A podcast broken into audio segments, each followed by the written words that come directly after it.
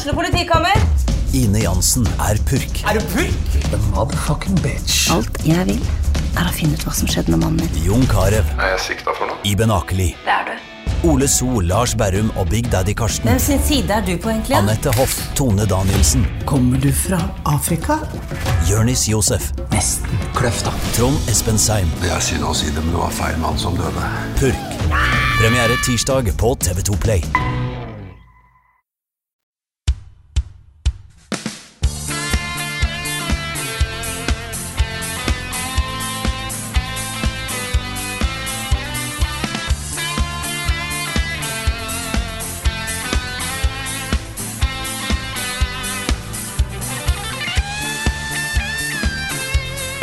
Uker så er det litt sånn at en plutselig mister litt kontroll på hva dag det er og sånne ting, men nå føler jeg nesten jeg har mistet litt kontroll på hva måned det er, for plutselig så var det jo E3. Ja, Ja. Det er veldig rart. Det er rare tider vi lever i. Nå er det jo pressekonferanse galore. Det har jo vært både Ubisoft, Nintendo, Sony, og nå er det Tokyo Game Show som skal ha noe Xbox-greier. Ja, Marvel og Disney hadde pressekonferanse. Mm. Square Enix driver og pønsker på et eller annet. Ja, ja. Mm. Alt skjer nå. Vi kommer selvfølgelig til å snakke litt om det senere i podkasten. Eh, vi har jo òg eh, en solid spilluke-episode, hvis du ikke har fått med deg eh, hva vi snakker om. Men uansett, hvordan går det med dere? I dag er, Jeg glemte å si hvem vi er. I dag er det meg, Frida Danmo, og i dag har vi med meg Karl Martin Hogsnes og Rune Fjell Olsen. Hallo, folkens. Hvordan går det? Halla, Det går Frida. bra. Det går bra. Ja, det går fint, men jeg, har, jeg, jeg, er litt sånn lettrørt i dag, fordi um, jeg havner jo av og til inn i sånn her loop på TikTok, i, i populære emneknagger og sånne ting. Og nå, da, i dag tidlig, så satt jeg da en, en halvtime og så på um, uh, svarte jenter som satt og gråt fordi nye Ariel i Den lille havfruen har samme hudfarge som dem. Det er altså så, det er altså så utrolig rørende. Og så må jeg innrømme at, at uh, jeg ble litt sånn paff i starten, fordi jeg trodde det var uh, Halle Berry som var hovedrollen. Og hun, er var, hun var litt gammel for Ja, ja for det, det hadde kanskje, ja, kanskje litt opp i åra, ja. Ja, men dette Halle Bailey heter hun, så Det er nesten Halle Berry, men det er en litt annen Halle. Ja. Mm. Men også dette er jo en uh, veldig sånn der, ektefølt uh, greie på hvor viktig det er med representasjon, da. Ja, Når du ser de reaksjonene, så skjønner du hvorfor det har noe å si. Ikke sant? Og det er, jeg, jeg blir både rørt og veldig glad også. At det er et uh, fint tegn i tiden at, uh, at man ikke er, er blenda hvitt overalt når det er snakk om helter og prinsesser og sånne ting. Så Mm. det var et flott, uh, en flott halvtime. Om enn da litt sånn tårer i øyekroken, klump i halsen, rørende. Så så en uh, spesiell start på dagen, egentlig. Hva har du spilt I det siste? I dag for oss torsdag eh, 15. september så kommer ja, det var 15, ja. Jeg måtte dobbeltsjekke på klokka nederst på skjermen. Eh, så kommer Metal Helsinger ut, og du har jo begynt på dette her, Rune. Jeg har det, og Svendsen spilte jo dette her uh, tidligere i sommer, mens det var ute som demo, og ble litt sånn uh, overrasket selv da, over hvor bergtatt han ble av den opplevelsen. Og siden jeg hørte Svendsen snakke om det spillet, så har jeg gleda meg til å sette meg ned med dette her. Og det er jo litt sånn spesielt, fordi det er jo ikke uh, både altså, Det er både et svensk spill, og dette er jo folk uh, fra Battlefield Bad Company 2-leaden, er han som starta det selskapet her. Eh, Du har folk fra Payday og Machine Games og masse, masse da, av disse store svenske selskapene som har starta et nytt selskap. Og så er det jo heavy metal. Eh, vokalister fra, fra masse kjente metal-band. da, eh, Med da ny musikk skrevet for dette spillet her. Og så er det jo published, utgitt, av Funcom, som jo ikke er norsk lenger. Nei, det er. Dessverre. det, de, de har kontorer i Oslo, da, men de er jo 100 eid av Tencent nå, så uh, litt sånn ok, de er, de er norsk-kinesiske, da kan vi strekke oss til å si det. Mm. Så, så det er en litt sånn spennende skandinavisk utgivelse som eh, får veldig mye positiv oppmerksomhet nå. Og det er har jeg spilt det en god stund. Jeg skal anmelde for NRK, så jeg skal være litt forsiktig med å komme med liksom altfor mange detaljer som er i anmeldelsen. Men uh, det er fete greier, dette her, altså. Um, og det er så deilig å spille et rytmes rytmespill. Jeg er veldig glad i rytmespill. Egentlig den første gangen jeg opplevde um, sånn det å spille i takt med musikk, det tror jeg kanskje var uh, første Sly-spillet, hvor det er en boss som heter Miss Ruby. Mm. Hvor du må liksom trykke på uh, trekant, firkant, runding i takt med musikken til Miss Ruby, ikke sant? som er en sånn krokodille. New Orleans-krokodille. Um, Og senere har jeg spilt liksom Luminous, Tetris Effect, um, masse Ress, ikke sant, hvor ting skjer i takt med musikk. Og det skaper en sånn spesiell stemning i kroppen mens du spiller. Du blir på en måte en del av spillet på en annen måte enn man blir i andre spill. Du kommer så veldig gjøres- inn i en flyt. Ja, ikke sant? Og hvis, man, hvis dette rytmeaspektet er gjort riktig, da, så, så blir det ganske spesielle opplevelser. Og det nailer Metal Helsinger.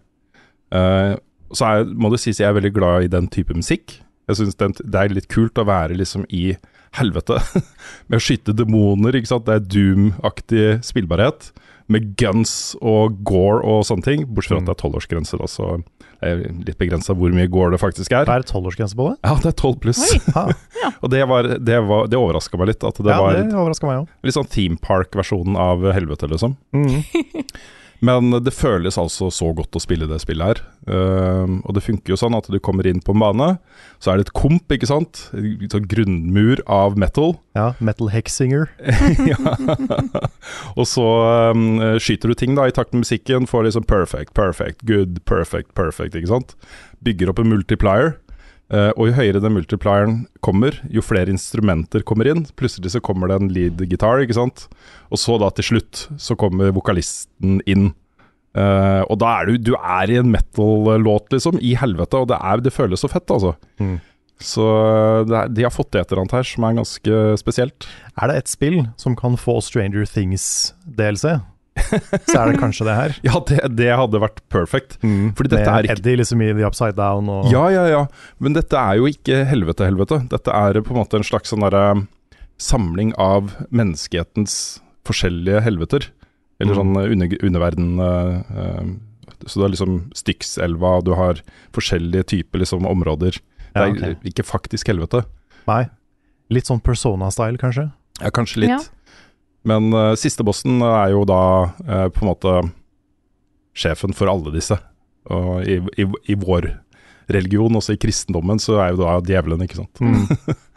så nei, men det er, eh, det er noe her, altså. Jeg syns det er kult å se, og blir litt misunnelig igjen da på alle disse svenskene som uh, har suksess med forskjellige selskaper, og så tenker de nei, nå har jeg lyst til å bare gjøre det jeg har lyst til å gjøre, og så starter de nye selskaper, og så lager de noe så fett som dette her. Mm. Det er litt uh, ekkelt, altså.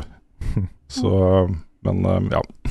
Ja, men nå er det jo spill eh, Når spill har musikk i seg eh, Ofte, altså Nå vet jo ikke jeg om, om det er, det, er det egenskrevet musikk til spillet, eller om det er eksisterende, men de hadde i hvert fall sagt at uh, Utgiveren har sagt at uh, dette er et spill du fint kan streame og lage content av uten at du får noe DMCA-issues. Så da har de gått ut og sagt at uh, musikken her er, er Får du ikke strikes for å bruke på stream og sånt. Så bra.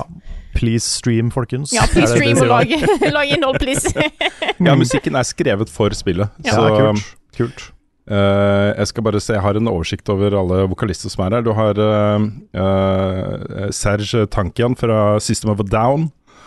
Du har Matt Heafy fra Trivium. eh, du har eh, Randy Blythe fra Lamb of God, og masse andre, da.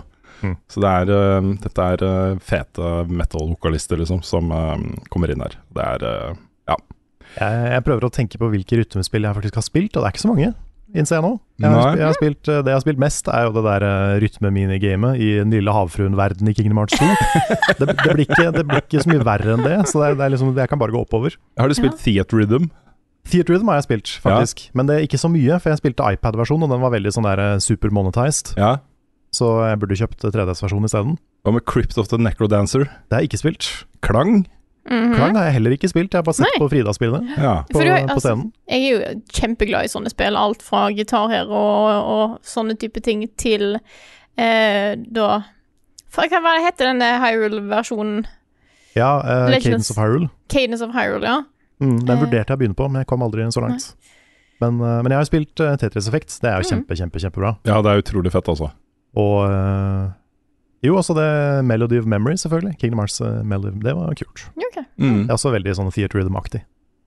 Elite Beat Agents. Mm. Elite Beat Agents. Det har jeg lyst til å lage klassiker på, altså, for Det det, er eh, så fett det spillet, altså. så nei, men jeg koser meg med det her også. Og det er, det er litt sånn umiddelbart fett. Jeg har liksom tenkt om Metal Helsinger da det ble annonsert første gang at dette var litt sånn gimmicky. At uh, dette kommer ikke til å funke like bra som, uh, som de sier det kommer til å gjøre og sånne ting. Mm. Det så vanskelig ut, syns jeg. Ja, men uh, jeg har, jeg har valgt letteste vanskelighetsgraden. Jeg, også. jeg skal skru den opp litt, da, fordi det er ikke så vanskelig å få multipliers. Men jeg vil ha den følelsen ganske fort. Mm. Så, um, og på det så går det helt fint. Det går helt fint. Så um, ute på PC og PlayStation 5 og Xbox Series X og S, da. Så ikke de gamle konsollene, men de nye er det ute på. Jeg vet ikke hvordan det funker med håndkontroller. Spiller på PC. Det, det flyter bra, altså. Det er, en bra, det er et helt godkjent skytespill i bunnen her. Så, um, så jeg tror ikke det skal være så vanskelig å komme inn i dette her. Nice. Kult. Jeg vil også bare nevne at jeg har fått touch of Malice da, i Kingsfall Raidet. Ja, det Jeg har fått touch of du var, var så vidt innom det her om dagen at du fikk den. Mm, ja, jeg har fått den. Jeg kan nevne for det er så lurer, jeg skal ikke snakke om det nå, men jeg driver jo og klipper Xenoblade-anmeldelsen, og den kommer til helga. Den, den er nesten ferdig, den kommer til helga. Jeg gleder meg. Du har jo eh, sagt litt på, eh, bak, bak kameraene om eh, at du er veldig positiv og, og, sånn, Mm. så jeg gleder meg veldig til å se den videoen. Det er jo fordi du har vært så positiv at jeg har begynt å spille det nå. Ja, det er Og jeg skal, ikke, jeg skal ikke snakke masse om det, fordi vi har gjort det allerede, men det er veldig gøy å være liksom nykommer til Xenoblade. Det eneste Xeno-spillet jeg har spilt, er jo Xenogears, som er liksom det gamle PlayStation 1-spillet. Og dette her er jo noe litt annet. Eh, Jeg, ble overraska over hvor sånn MMO-aktig combaten var. Ja, den er veldig stilig. Den er veldig sånn, Det minner meg om en del om Final Fantasy 14 og, og sånn. Mm. Så det, mm, jeg har ikke helt føler jeg har kommet inn i kampsystemet ennå, men det kommer kanskje etter hvert. Ja, Men, den kommer eh, seg. Eh, Det er, det er på en måte Spillet er veldig god på å gradvis introdusere ting, så ting kan virke litt sånn enkelt i starten, men Mm. det kommer seg ganske fort. Ja, ja, men det er bra. Og så, Jeg visste jo om dette her fra før, for jeg har jo så vidt begynt på det første Xenoblade for mange mange år siden. Ikke fullført det. Men det, det som er unikt med det spillet, her er at det, det er veldig britisk.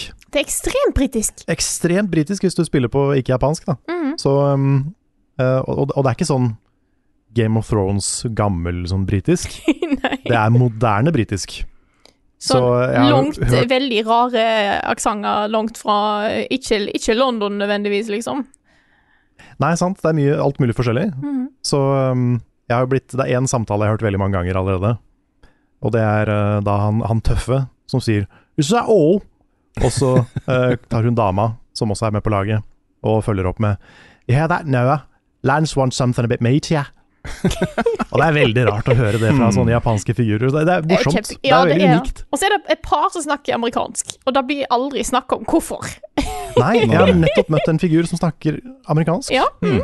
Og Den sånn er det ene figuren Ja. som er amerikansk. Det, er, Yes. det er veldig rart. Det er veldig, veldig rart. Men jeg må si til den, den tingen du har sagt at du har hørt et par ganger uh, allerede. Det er, Mm. Jeg har eh, tenkt litt på dette her, og disse spillene har alltid vært sånn. Og en del japanske Mm. spill alltid er det. Og jeg på en måte jeg bare godtar at det finnes, så det er ikke noen kritikk jeg har til det.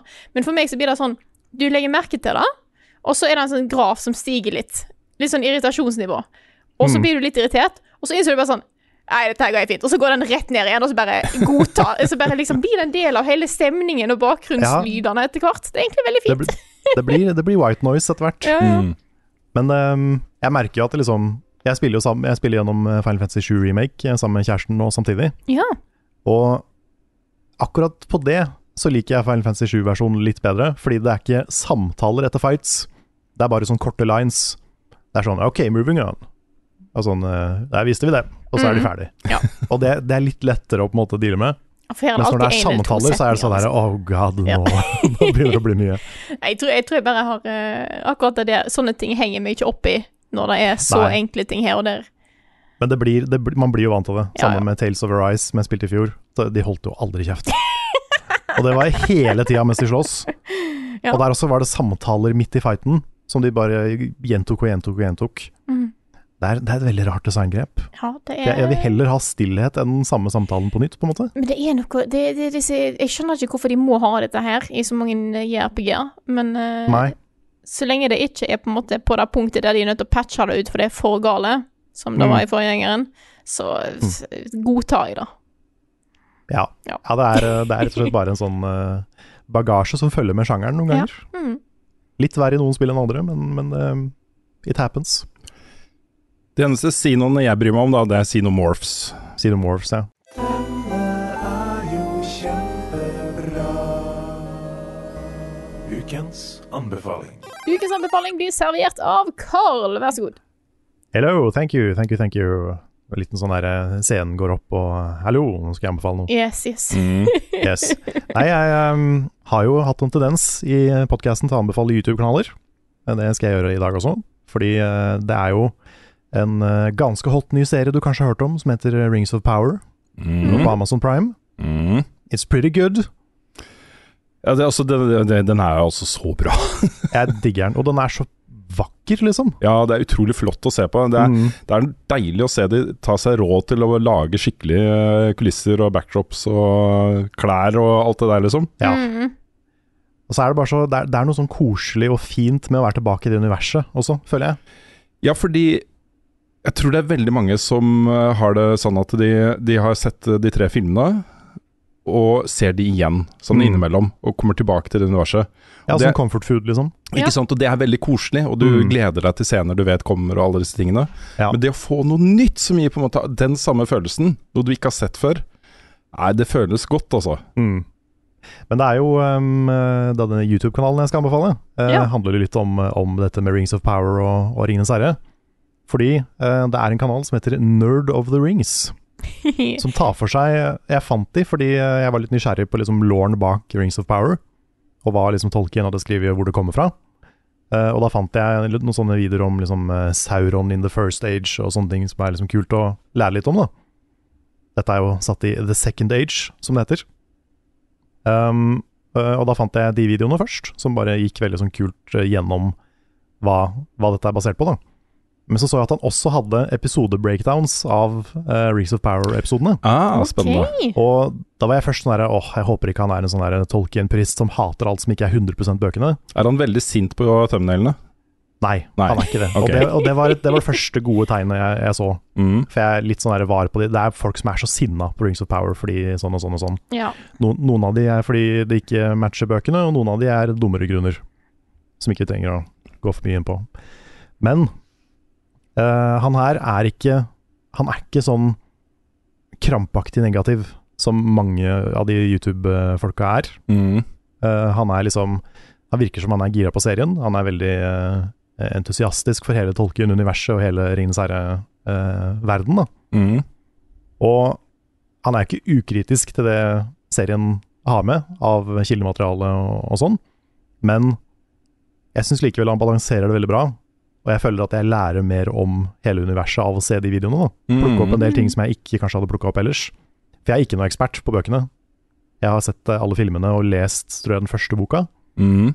så langt ifra en Tolkien-ekspert, men, eh, men det var kult å på en måte høre fra en person som har litt mer peiling. da. Dette snakka vi vel om forrige gang vi snakka om den serien også, men, eh, men TV-serien er vel basert på, på fotnoter og sånt fra den originale Ringens herre-trilogien, Ja. og ikke Simarillion og Hobbiten og de Nei, for det er noen bøkene. eh, rettighetsissues der, Ja, med at ikke de har rettighetene til Silmarillion eller et eller annet sånt. Mm. Så der har de måttet fylle inn en del informasjon, da, ikke sant. sant. Um, og det, det er jo litt samme problematikken som man har så oppsatt med The Witcher-serien, f.eks. Uh, som uh, Ja, så mm. altså Eneste måten å løse det på, er jo på en måte å, å løsrive seg litt fra universet. Altså Ja. Man må på en måte skrive en historie som er fengende og, og spennende å se på, og sånt, uten at du fjerner deg for langt, da. Men hvor du må ta deg noen friheter, Mm. tenker jeg da. Ja, fordi veldig mye av det som vises i Rings of Power er jo eh, book accurate, på en måte. Men det de har gjort, som er litt kontroversielt da, for noen, det er det at de har komprimert på en måte 2000 år ned til en ganske kort periode. Ja, nettopp. Ja. Så, og det, jeg skjønner jo at det må man gjøre hvis man skal lage en TV-serie om alt det som skjer i Second Age. Mm. Uh, jeg skjønner at ikke alle godtar det kanskje like lett, men uh, jeg vet ikke. Jeg, jeg har sett såpass mange TV-serier og ting basert på bøker og filmer at det Jeg aksepterer det, da.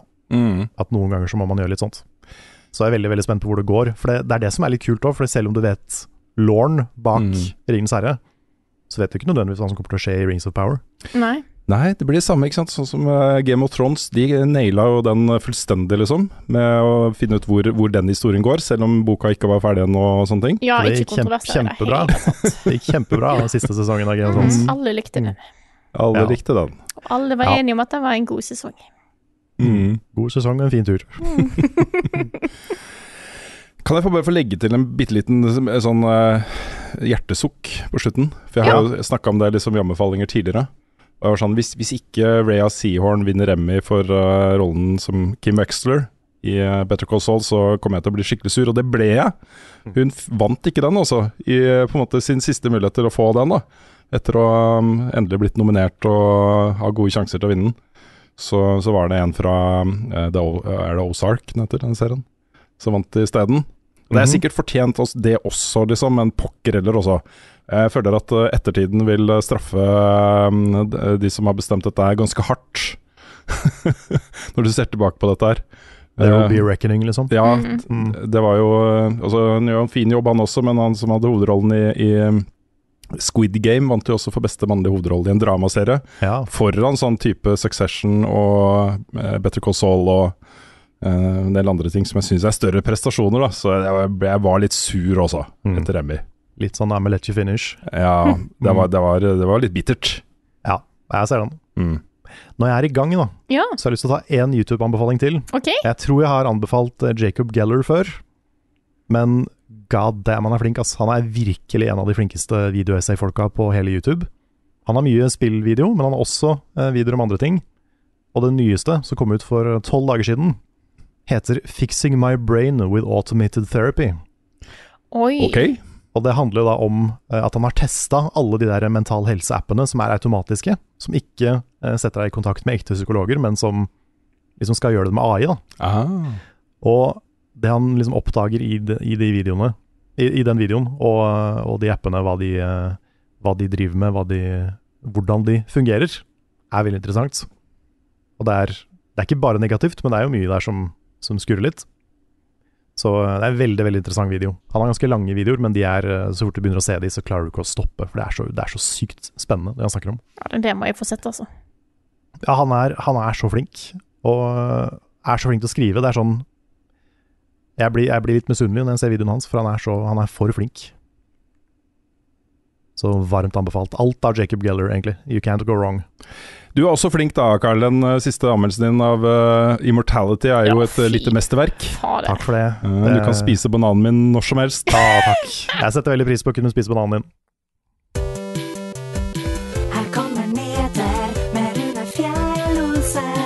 Og han har ikke hår. Før vi går gjennom de største nyhetene fra alle disse pressekonferansene vi snakket om i starten av denne podkasten, så har jeg bare lyst til å nevne at eh, i dag for oss, da torsdag, startet jo Tokyo Game Show. Med da for første gang Jeg vet ikke om det er noen gang, men jeg tror kanskje det. En egen norsk stand. Det er jo tre norske utviklere som er på plass i Tokyo. Eh, Det er uh, Hypergames med Snusmumrikken. Um, det er Dpad med Vikings on Trampolines, og det er Snowcastle med Ikonei Island. Det er jo tre spill som passer godt inn på det japanske markedet, vil jeg si. Ja, ja, Ja, ja. ikke Mummitroll ganske stort i Japan? Det er kjempesvært, det er kjempesvært, og du har egne butikker hvor de bare selger Tove Jansson-merch og, og sånne ting. Det er en kjempestor ting. Det er ikke uten grunn at når du ser tittelen på, på snøfken da, som dette spillet heter, så er det også, står det på japansk Mm. over. Mm. så, så jeg tror de har et, et veldig veldig spennende, stort marked eh, som venter på det spillet der borte, da. ja. Mummitrollet anim, eh, animeen, holdt på å si. Den eh, tegnefilmserien som mm. mange husker fra de var små. Mm. Den, det er jo den første animeen mange av oss så. Den Ikke sant? er liksom japansk. Ja. Mm. Så, så det er veldig gøy at du er en norsk delegasjon der borte, og eh, jeg vil egentlig anbefale folk å eh, søke opp disse folka her på, på Twitter og Instagram og sånt, fordi de begynner å poste en del ganske bra oppdateringer fra hvordan de har det i Japan og sånt nå, så det er, det er gøy å følge de da, fra, eh, fra Norge. Selv om jeg selvfølgelig skulle gjerne ha vært der. En dag Mhm. så sender vi ikke bare Bjørn, da sender vi alle eller noe. Ja, jeg tror det Den står over etere for meg også. Jeg vil heller ha med hele level up til Tokyo og Japan Hmm. enn etere, for jeg tror det hadde blitt morsommere. Ja, kanskje. Mm. Du kunne hatt en egen serie på å få Carl til å teste spennende mat, f.eks. Ja, det, det, da sier jeg veto. Jeg tør ikke. Jeg tør ikke sånn fancy mat. Det er sånn, Du spiser først og så forteller vi deg etterpå hva du har spist. ikke Ja, sant? nei, det, du, nå beskriver du mitt verste mareritt. Spoiler, det er alltid ja, blekksprut. Ja. Ja, nei, også, Hvor eh, mange ganger kan en mann kaste opp på kam? Ja. Nei, de har jo, eh, det, det er det som er så spennende med det eh, japanske kjøkkenet på, i de store byene. Mm. Det er jo at du har hele det asiatiske kjøkkenet er jo til stede. Mm. Representert med eh, egne restauranter. Og alle er liksom setter ordentlig eh, stolthet i å lage så autentisk og god mat som mulig. da. Så det er mye, veldig mye bra mat. Eh, men det inkluderer jo da f.eks. det kinesiske kjøkkenet, hvor de spiser, jo- de spiser jo hele dyra, og mange dyr som kanskje vi normalt sett ikke ville spist også. Ja. Så det er ganske spennende, altså. Jeg trenger ikke å spise andeføtter.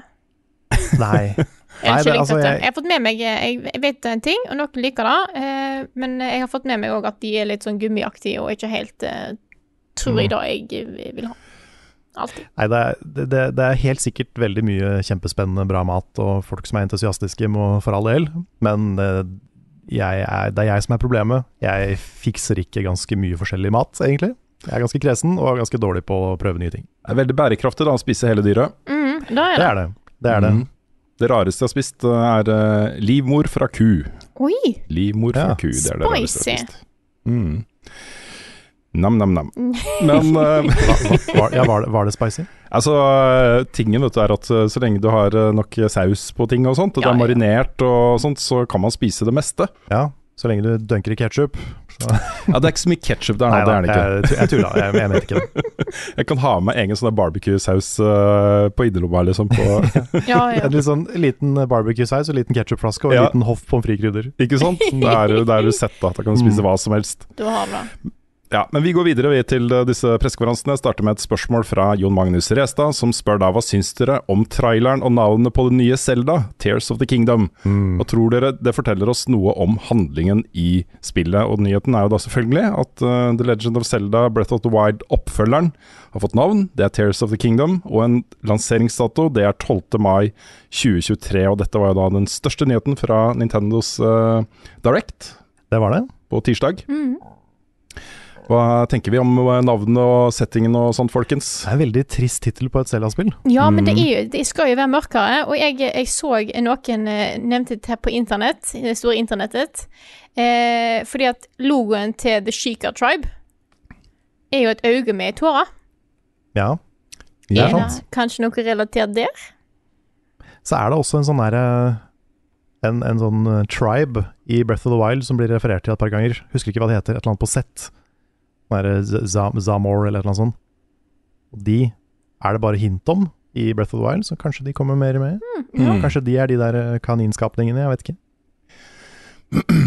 Nei, jeg, jeg syns i hvert fall eh, den, den traileren de viste fram, som jo er enda mer teaser enn det har vært tidligere Mm. Jeg føler vi har sett mer eh, faktisk gameplay fra spillet før, Mm. Eh, men den satt jo virkelig, virkelig stemninga nå. Ja. Eh, det å få liksom eh, de klippene, ikke, minst da den der glideren som Link brukte. Ja, Mhm. et, et steinpapirfly som du bare Mhm. kjører over hele, hele himmelen med. Eh, han kunne også bruke sånn der, egen sånn power til å klatre opp steiner som gikk opp i lufta. Mm. Det er sikkert en nyttig måte å komme seg til disse øyene som svever rundt omkring Ja. på. Jeg er veldig spent på hvor sømløs den der uh, transition der kommer til å være. Mm. Fra bakken til himmelen. Mm. Kanskje også noe undergrunn, jeg vet ikke. Kanskje. Altså, jeg vet det, en, det som var kjekkest for meg, var å se at uh, utgivelsesdatoen er etter jeg har levert doktorgraden. Ja, ja er det det? Mai? ja, jeg skal levere i april. Ja. Oh, ja. nice. Og så skal, du- skal du forsvare den i juni eller noe sånt, er det ikke det? Mm. Men det er masse tid da, vet du. inn Ja, du rekker å presse inn uh, Tears of the Kingdom inni der. Ja, lite grann i hvert fall. Ja, det er bra. Nei, det er i hvert fall uh, Selda er tilbake i oppmerksomheten til både meg og mange andre. Dette Mm. er et, eh, et av de spillene eh, jeg gleder meg mest til å spille nå. Det blir, eh, det blir en stor opplevelse, så um, eh, Ja, jeg tror faktisk jeg gleder meg hakket mer til, Breath of, nei, til eh, Tears of the Kingdom enn eh, God of War. Det er så høyt oppe nå. Ja, det er langt oppe der, altså, det da. Ja, det er mulig vi kommer litt tilbake til God of War, og Mm. en, en, en litt sånn større diskusjon om uh, hvem som eh, trekker i flest strenger hos hver av oss uh, etterpå. Men vi tar de andre største nyhetene fra Nintendo Direct først. Den andre er jo en bekreftelse da på at Pikmin 4 fortsatt er en ting. Miyamoto er, var på plass for å fortelle at det kommer, det, folkens, i 2023. Ja, da, det var jo nesten ferdig for sånn seks år siden. Så da er det bra ja. de fikk fullført siste Jeg kan, biten. jeg kan ikke skjønne noe annet enn at det var en feil oversettelse eller et eller annet. Eller så var det Eller så måtte de skrote hele greiene. Det kan godt tenkes, og det har Ja. Nintendo gjort uh, mange ganger. Mm. Ikke, jeg vet ikke om de har gjort det mange ganger, de, du, gjort de det noen gjort det, ganger i hvert fall. Så jeg tror, eh, jeg tror rett og slett at de kanskje der var tidligere ute enn de burde. Mm. Uh, før de innså at ting kanskje ikke funker så bra som de hadde ønska, eller et eller annet. Uh, men det er én ting. Eh, jeg skjønner ikke hvorfor de promoterer Pikmin Bloom, for det er kjipt og tregt og ikke gøy. Men Nick har begynt å spille det. Han har det? Han begynte å spille det i går. Ja. Altså, det kan, mye kan ha endra seg siden release, det er jo det som skjer med disse Niantic-spillene. Men jeg bare Jeg fikk ikke noe ut av det, eh, personlig. Eh, det var ikke det så mye annet gøy med Pikmin. Men det er veldig hype på Pikmin 4. Kjekt det endelig kommer, og at vi får bekreftelse på at ja, det skjer. Mm. Og apropos Nick, da, han hadde jo litt av en, eh, en eh, pressekonferanse. Uh, han fikk jo et par, par nyheter som, som var liksom skreddersydd for han. Mhm. Uh, Octopath Traveler 2 til Switch, Steam og PlayStation eh, den 24. februar. Det er kult. Det er mm. veldig kult. Jeg har spilt det første, ikke spilt det helt gjennom. Det, det mangla litt sånn connection mellom historien og figurene for meg, så jeg datt litt av. Men, men jeg likte jo det jeg spilte, fram til jeg hoppa av. Mm. Så er det jo også veldig i gata med Live Alive, som nettopp fikk en remake. Så dette er på en måte det tredje spillet som, som gjør det her, da. Mm. Med åtte forskjellige historier som kommer sammen på en eller annen måte. Ja. Og så da et nytt eh, mainline eh, Fire Emblem-spill, Fire Emblem Engage, den 20. januar 2023. Ja, det så veldig annerledes ut enn Three Houses. Mm. Mye mer, mye mer sånn sprakende farger og figurer fra gamle spill og en del sånne ting. Mm. Så jeg vet ikke helt hva som foregår der, men de sa det var det neste mainline Fire Emblem-spillet. Mm. Og Nick ga jo uh, uh, three, three Houses ti av ti. Han gjorde det. Han gjorde det. Han gjorde det. Jeg, har, jeg skulle egentlig spille det i sommer, og så rakk jeg det ikke. Mm.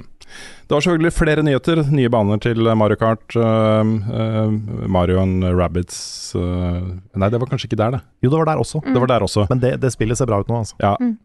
Så, men vi lar det ligge med det. Har du- folk eh, Har du Eller, Frida? ikke tenkt å ta opp Story of Seasons, eh, A Wonderful Life? Nei? Nei? Jo, Da men det må du snakke om, Frida. Ja. Ja, gjør det. Fordi Dette er ting som jeg tror går eh, rett forbi og ingen bryr seg om. Men jeg bryr meg veldig om det! Ja, men da skal vi selvfølgelig snakke om Ja, det, Frida. det er det jeg Mm. syns. Story of Seasons, A Wonderful Life er jo en remake av Harvest Moon, A Wonderful Life. For der er det jo noe herk med den der lisensen og hvem som har eget det navnet og sånne ting. Mm. Eh, men da er jo da eh, Harvest Moon-spillet som jeg har vokst opp med, som er det første Harvest Moon-spillet jeg spilte. For det kom på GameCube, og jeg har spilt det i hæl. Eh, og jeg er det jeg har begynt på, er spilt inn gameplay og greier til en klassiker om det. Jeg tror jeg til og med har begynt å skrive om det. Eh, men den ble aldri ferdig, så dette er jo en fantastisk anledning når det kommer ut til sommeren, tror jeg. Så det er, det er kjempekoselig, det er koselig musikk, det er bra stemning, eh, og det er jo farming. Sånn som alle de andre spillene som ble vist på den Mm. Nintendo Directen. Men dette her er jo en av de på en måte tidligere, da, som de har henta Mm. fram igjen. Veldig gira på det. Gleder meg til å spille igjen og se om det faktisk er noe gøy, eller om det bare er tregt. Mm. Jeg så at du kan, du kan gifte deg og få barn og bli gammel og sånn. Ja. Det er på slutten av spillet, så dør du. Oi. Spoiler alert! Yes. Ja, men, men spiller du som barnet ditt etterpå, da, eller gjør du ikke Nei, jeg tror du bare er ferdig. Jeg kom aldri så langt, faktisk, tror jeg, i originalen. Men uh, du blir på en måte Men så er det, også- det er noe rart med det spillet, for alle ser så utrolig unge ut. For den stilen Mm. de har valgt, er liksom at alle bare ser ut som de er tolv. Ja, så du går på en måte fra barn til rynkete barn. ja, litt. Ja. Mm. Og så får du barn. Og så på en måte, Ja. Men de, de, de, de ser altfor unge ut. Det er litt rart. Og så skal du gifte Mm. deg, og så ser du fortsatt ut som du er tolv. Så det kan være de har eh, Jeg, så, eh, jeg har ikke kikka altfor mye på på en måte potensiell stilendring, men, eh, men det er et interessant spill. Det har mye rare greier. Plutselig bare er det en, det er en yeti som bare går rundt, og ingen snakker egentlig om det. Blant annet. Mm. Så Men det er litt sånn som i virkeligheten, da. Ja, det er det. Det er en yeti som går rundt et eller annet sted. Ja. Eh, jeg har sett på eh, bare stilen. De ser fortsatt ut som de er tolv. Men da, eh, sånn er det bare. Mm. Jeg må også gi en shout-out til uh, det nye spillet til Square Enix, som du viser fram der. Og fordi de har, de har liksom gradvis mer og mer spennende titler på spillene sine. Spesielt det teamet som uh, da har den derre Octopath Traveler, og så har de Triangle Strategy. Og nå kunngjorde de Various Daylife. Det var en type tittel. Hva er det for en tittel? Nei, det er Godt spørsmål. Mm. Jeg bare ville gi en shout-out til Various Daylife. Various Daylife. Mm. Mm. Det er litt mer schwung over God of War Ragnarok, er det ikke det? Jo, litt mer. Litt mer. Vi eh, ble jo litt skuffa over eh, Sonys eh, State of Play. Um, Ja, det, det var en, en, en sandwich av kul. Sandwich er kul. Jeg, det var kule ting inni der også, men, eh, men eh, dette var jo noe vi snakket om under streamen, også under spilluka. Men de hadde jo på, på forhånd ikke, ikke gjort noe for å justere forventningene våre. Og det har de liksom hver gang de har hatt en State of Play i det siste, så har de gjort det. Mm. De har sagt liksom eh, Dette er stort sett PlayStation VR, altså. Eh, og stort sett ting du har sett før, f.eks. Um, det kommer ingen av våre egne første- og andrepartsspill på den eh, State of Playen her, bare så dere vet det. Sanne, sanne ting har de sagt på forhånd. Men nå var det bare 15 av de største spillene eh, som kommer på PlayStation og PlayStation VR i tiden framover, med spesielt fokus på våre japanske studioer. Mm. Og da blir man jo gæren, ikke sant? Jeg blir gæren. Ja. Ja, for da, da tenker man liksom uh, Silent Hill, er det noe Bloodborne, er det noe Elden Ring DLC? Er det Kanskje det, Metal Gear. Kanskje Metal Gear, det er, og Final Fantasy. Ja. Det kommer jo tre Final Fantasy-spill på ganske kort tid. Mm. Men, uh, men det, det var ikke der, liksom. Det var Nei. ikke der. Det var ikke det. Men de øh, starta jo med Tekken 8, Mhm. avdukingen av det, som så fett ut. Om enn kanskje litt, uh, litt mye regn og vann og glinsing og sånt. Ja, det var, det var animerte muskler. Ja. Du kunne se han flekse i real time. Nettopp. Uh, I regnet, da, selvfølgelig, mens han skulle slå. Ja, men jeg digga animasjonene i det spillet, Mm. og hvor, uh, hvor hardt det var. Også Du kunne på en måte føle slagene treffe på en litt annen måte enn du har kunnet i Tekken tidligere. Mm. Det var veldig sånn der grounded på, på impact og sånt. Så det syns jeg så fett ut også. Jeg syns også karakterdesignet var dritstilig. Så um, hvis det hele spillet ser sånn ut, så er det inne på noe, tenker jeg da. Det var en Absolutt. kul Litt mindre måte. slow motion, kanskje. Mm? Litt mindre slow motion i faktiske kamper, kanskje. Ja, jeg lurer på om de er litt inspirert av Street Fighter der, altså. At de på en måte bare skal få det til å se litt sånn stiligere ut, liksom. Mm. Så øh, kanskje noe man kan skru av hvis man skal spille competitive, jeg vet ikke. Det er sikkert noen sånne eh, supermoves som er i slow motion, Ikke mens sant. resten eh, forhåpentligvis ikke er det. Mm. Men det innleda i hvert fall eh, State of Play, og så avslutta State of Play da med en ny trailer fra God of War Ragnarok, og da var vi alle litt sånn Å nei, skal det vise fram dette igjen? Er det one last thing her, liksom? Og så sitter vi da og ser på den nye story-traileren og er bare sånn Å, holy shit, det spillet her ser så bra ut, og jeg Ja, har bare lyst til å spille nå med en det gang. ser helt ridiculøst kult ut. Ah, det er den feteste traileren jeg har sett fra det spillet. Og nå, Mm. nå er jeg Jeg har vært liksom sånn gira på det spillet, men jeg har også sagt flere ganger at jeg er forberedt på at jeg ikke blir like eh, liker det like godt som, uh, som forrige spillet. Fordi det er ny regissør, og de fortsetter på en måte en suksess. Det er ikke på en måte den samme impacten. Mm. Men nå ble jeg gira, altså. Jeg ble Ja. skikkelig gira.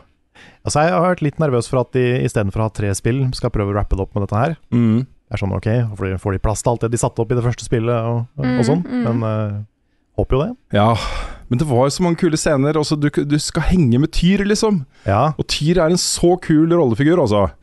Uh, jeg syns han også var uh, også, Han var jo ikke med i, i forrige spillet, men han ble jo snakka om masse. og Du kunne samle armoren hans, og du fant, fant ut hvor hans eh, hovedkvarter på en måte var, og du fikk masse liksom sånn greier om Tyr, da. mm. Eh, som jo er eh, Kratos-versjonen i norrøn mytologi, krigsguden Tyr. Mm. Du fikk se litt fra eh, Kratos som slåss, slåss mot Thor, ikke sant? det var så mye fett, altså. Det var så Mhm. mye fett. Så, så jeg, nå gleder jeg meg skikkelig til det. Jeg har en teori da, Mm. om at uh, du slåss mot Thor veldig tidlig i spillet, og at du får Mjølner. Jeg, jeg tror du har helt rett, fordi du hadde jo en sånn bonusscene i originalen. uh, hvor, du, uh, hvor du møter Thor. Mm. Jeg tror spillet starter der, jeg. Ja, Det kanskje. tror jeg. kanskje. Kanskje. Så er spørsmålet, er det flere fights mot Thor, eller er det bare den første? Er det... Ja, du møtte jo The Stranger flere ganger i originalen. Ja, du gjorde det. Ja. Men hvis du skal helt opp til Odin i det spillet her, så må du jo fortere av. Mm. Nei, det var mye gøy å se på der, så, um, så, så det blir fett. Um, jeg går videre til Like a Dragon Ishin. Dette er jo en uh, Yakuza-spin-off som da endelig kommer til Vesten. Mm. Samurai Yakuza. Mm. Det ble vel også annonsa Like a Dragon 8, tror jeg, for Japan. Ja, det ble i hvert fall slippet en trailer etterpå. Ja. Eh, I forbindelse med Tokyo Gameshow, da. Så, så dette er jo en, en eh, like lang og omfattende serie som Yakuza-serien, men den er jo eh, spin-off fra det, da. Jeg vet ikke om alle disse spillene foregår da i, på 1800-tallet og tidligere, liksom, eller om det er uh, forskjellige tidsaldre og sånne ting. Jeg vet ingenting om, uh, om Like a Dragon. Jeg vet uh, litt mer om Yakuza-serien, men Mm. Men jeg registrerte i hvert fall i chatten på livestreamen vår, så var det mange som ble veldig gira for det. Like a Dragon Ishin kommer da til Vesten. Uh, vi fikk også se uh, navneskiftet på et spill, som koreansk spill, som tidligere het Project Eve. Nå heter det Stellar, Stellar Blade. The Jiggle Game. The Jiggle Game. Yes. Uh, ja. det, er litt, det blir litt satt ut av, av når det er så mye skulping og sånn. Ja, det er Altså, det, er, det så ut som det var mer jiggle enn i Dead or Alive, Ja. og da er det ganske mye jiggle. Ja, det er litt sånn. Men eh, når det er sagt, da, så også det bossdesignet, uh, våpendesign, eh, bevegelse, actionsystemet og den type ting så skikkelig fett ut. Mm. Så det er nok et spill jeg kommer til å spille. Ja, som et actionspill så det dritfett ut, syns jeg. Kan de ikke bare gi oss muligheten til å skru av og på jiggles? Eller kanskje en sånn slider, som er liksom 100, så er det veldig mye, og så er det 0, så er det ingenting. I 100 Ja. så er det bare noe ja. Så, så blir alle fornøyde, vet du. mm. Ikke sant? Uh, og så da et eh, nytt spill fra Team Ninja, som eh, de sier har vært i utvikling i syv år. Et eh, PlayStation 5-eksklusivt spill som kommer i 2024, som heter Rise of the Ronin. Rise of the Ronin. Ja, som er da et eh, akkurat det det høres ut som. Eh, et, eh, du spiller som en Ronin. Eh, Ronin er jo en herreløs eh, samurai. Mm. Som eh, Hva er det det Ronin betyr? Ja. Ja, det visste jeg ikke. Så eh, foregår jo også spillet da 1867, tror jeg var det årstallet som sto der. Og det er jo da liksom Vesten har begynt å oppdage eh, Japan. Eh, så da liksom vestlig innflytelse, det kommer inn litt sånn eh, eh, skytevåpen og sånne ting. Men er, det er fortsatt liksom en solid fot planta i føydal-Japan også, da. Så, hadde du den, der, den glideren til Leonardo da Vinci i Ja. Assassin's Creed 2, Mhm. som han bare plutselig fikk på seg når han hoppa utfor et eh, stup. Ja, det var en veldig kul eh, glider. Ja, veldig kul glider. Mm. Så, så dette er jo det de sier, et, et, et eh, action adventure RPG. Uh, hvor de bare bader i alt det som handler om samuraier og ninjaer og uh, japansk historie og sånt. Mm. Og det, det er det flere spill som kommer til å gjøre, og flere spill som har gjort. Veldig comeback for det om dagen. ja, så, um, så Men eh, det er et spennende team. Team Ninja har jo lagd mye spennende. Oh, ja. Mm. Og um, eh, ja, når de satser såpass på det, så, så blir jeg automatisk gira. Da setter jeg Jeg vet det er mange andre ting vi kunne snakke om fra State of Play, men jeg setter en strek på den. Og hopper videre til Ubisoft. Uh, og Der er det enda, enda mindre nytt å snakke om, da, fordi nesten alt de snakker om der, var kjent fra før. Ja, Vi snakka vel om det i forrige podkast. snakka om det i forrige pod podkast, så mye av dette er bare en bekreftelse. Vi fikk se litt av Assassin's Creed Infinity, som er denne huben, hvor de skal samle alt. Uh, Foreløpig så så det bare ut som en sånn blobs, som det var da forskjellige logo på, så du kunne klikke på logoen, og så kom det inn i spillet. Jeg vet ikke om det er sånn den blir. um, når jeg tenker hub, så ser jeg liksom for meg noe litt, litt mer sånn der Ok, det er flere ting der, liksom. Mm. Sånn som eh, Master Chief Collection til Halo f.eks., hvor du har liksom et eh, smørbrød av både DLC-er og, og character creators, og du kan starte multiplayer sånn, ikke sant? Men, eh, men eh, de spillene som de viste inn i den huben, var jo da to nye spill som, som vi snakket om forrige uke. Eh, Det ene går under, under navnet Project Red, som er da samurai uh, shinobi i Japan. Samurai Creed. Ja. Um, så ikke noe dato eller noe sånt på det, men det er mulig at vi snakker sånn starten av 2024, slutten av 2023 kanskje, på den. Og så da eh, Hekse, som er da lagt til hekseforfølgelsen i Europa. Eh, mørkere, litt sånn Blair Witch-lignende eh, symbolikk og, og sånt. Sånn horrorfil. De ble jo da presentert som spill som kommer inn i den der Infinity-greiene deres. Mm. Eh, de viste også en lang, flott trailer fra Assassin's Creed Mirage, som da kommer i 2023. Her følger du Basim fra Valhalla. Ja, og hun dama med den kule stemmen. Stemmer det, eh, som jeg aldri husker navnet på. Nei, jeg kjenner ikke til hun fra før. Jeg bare syns hun hadde en veldig mørk og kul stemme. Hun har spilt i så mye forskjellig. Da. Jeg kjenner henne kanskje best fra Fra åh, Hva heter den der serien med Claire Danes uh, igjen? Den uh, hvor hun etterforsker terrorisme og, og sånne ting. Å ja. Jeg, det står så stille på sånne ting om dagen. Ass. Jeg er så dårlig på navn. Ja, fytti rakkeren. Same. Men uansett en veldig kjent og ikonisk eh, stemme, da. Så hun er jo da eh, mentoren til Basim. Det er hun som innlemmer han da i The Hidden Ones. Mm. Um, og du får da hans, eh, hans reise inn, inn der. Uh, lagt i Bagdad. Det så, det så spennende ut. Det er mer sånn historiefokusert. Um, Jeg håper det har den samme oppbygninga som Assassin's Creed 2. For de går litt tilbake til den oppskriften her. Ja. Men at det er Fordi jeg syns Brotherhood er et veldig populært spill. Jeg syns det ble for åpent. For det var liksom hele Roma, og så skulle du gjøre ting i Roma gjennom hele spillet. Men jeg er så fan av den der Assassin's Creed hvor du starter i en liten by. Så er det veldig storyfokusert. Det er veldig story hele veien, og så er det sidequests på sida. Mm. Istedenfor at spillet er sidequests med litt story. Ja. Så jeg håper de går litt tilbake til den. Altså. Ja, det som Assassin's Creed 1 og 2 eh, gjorde best i serien, føler jeg, da, det er å gi deg noen skikkelig saftige mål Mm. som du skulle altså Det heter jo Assassin's Creed. Ja, for du hadde liksom. det der boardet, ikke sant, med sånn de må du ta ut Ikke sant? fordi det og det og det. Og Ja. han der var kjip mot deg denne uka, så da må du ta han.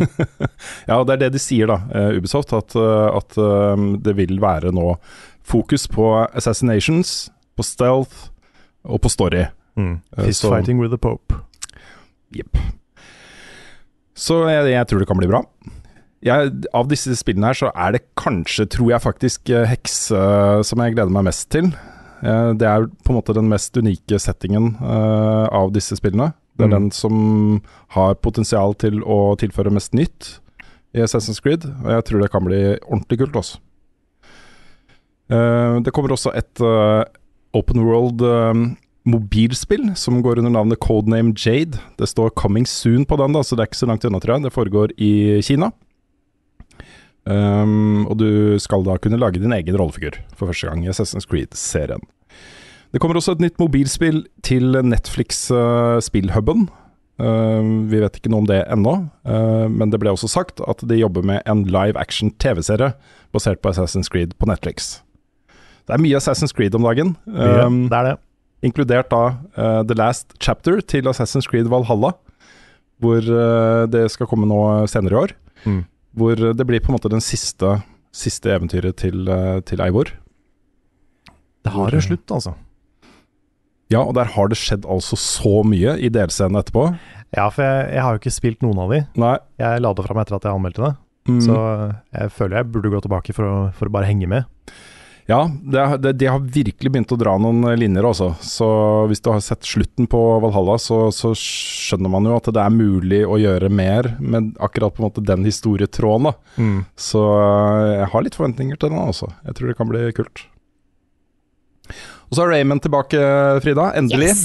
Som DLC til Marian Rabbits. Altså, da, jeg tenker greit. Han er de annonserer Jeg syns alltid det er spennende, spennende når de annonserer DLC før spillet er ute. Um, det må jeg innrømme. Men det jeg tenker på, er at nå har noen satt seg ned og lagd en 3D-modell av Rayman. Moderne, nylaga. Her, har de, her har de mulighet. De kan bare ta den og bare pop, inn i et spill. Da er det Jeg jeg bare tenker. dytte inn litt assets, Yes, sant? så har du et spill, og så bare trylle litt, og så Ja, for spillaging er jo så enkelt, sant? Det er Ja, det er så enkelt det det er. er kjempelett. Mm. At ikke flere bare gjør det hele tida. Men da, da på en måte, du har hatt et team nå som har designa Rayman anno 2022. Da tenker jeg, Mhm. da er det bra. Da er det, en, da er, det er noen som er i gang her, sant? Mm. Men fun fact, da. Ja. Det var jo det som skjedde med Kid Icarus. Mm. Fordi de lagde en veldig kul 3D-modell til Smash, og så uh, så han skaperen av Kid Icarus det. Tenkte at ok, men han her har jeg lyst til å bruke i et spill. Og så lagde de Kid Icarus Uprising. Ja. Så det er ikke helt uhørt. Nei, det kanskje- sant? Så jeg, jeg, jeg mener jo at dette her er en kjempegod idé, for nå har noen sittet og jobbet med dette og tenkt at ja, han er jo egentlig litt kul, han der Rayman. Kanskje han skulle fått et nytt spill? Mm. Kanskje det. Så da er, Men da er det det er jeg at, tenker. at, Rayman, altså Raving Rabbits, kom jo inn i et Rayman-spill. Mm. Og nå er det stort at Rayman er en gjeste, gjestefigur i et Rabbit-spill. Og det er Jeg har snudd litt, snudd litt på huet. Mm. Og så får eh, Just Dance 2023 for eh, online multiplayer. Det er en, eh, en lang tradisjonsrik serie, dette her. En, eh, en interaktiv måte å oppleve populærmusikk på. De Mm. bruker jo veldig mye rett fra hitlistene, liksom. Så, um, så det tror jeg nok det er mange som kan kose seg med. Og så fikk vi da se uh, masse nytt fra Skull and Bones, som kommer 8.11. Et spill som det har vært eh, mye snakka om. Som har um, eh, hatt litt trøbbel i utviklingsfasen. Det ble liksom trukket litt tilbake, og de slutta å snakke om det i en lang lang periode. Og så nå er de tilbake igjen, og nå skal de lansere det. Og dette er jo et Games as a Service-piratspill, hvor eh, mesteparten skal foregå på skipet ditt.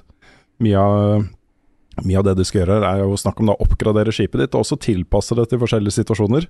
Sånn at hvis du møter den og den type fienden, så bør du ha den og den typen armor og den og den type kanoner og, og sånt, og switche litt uh, uh, innimellom.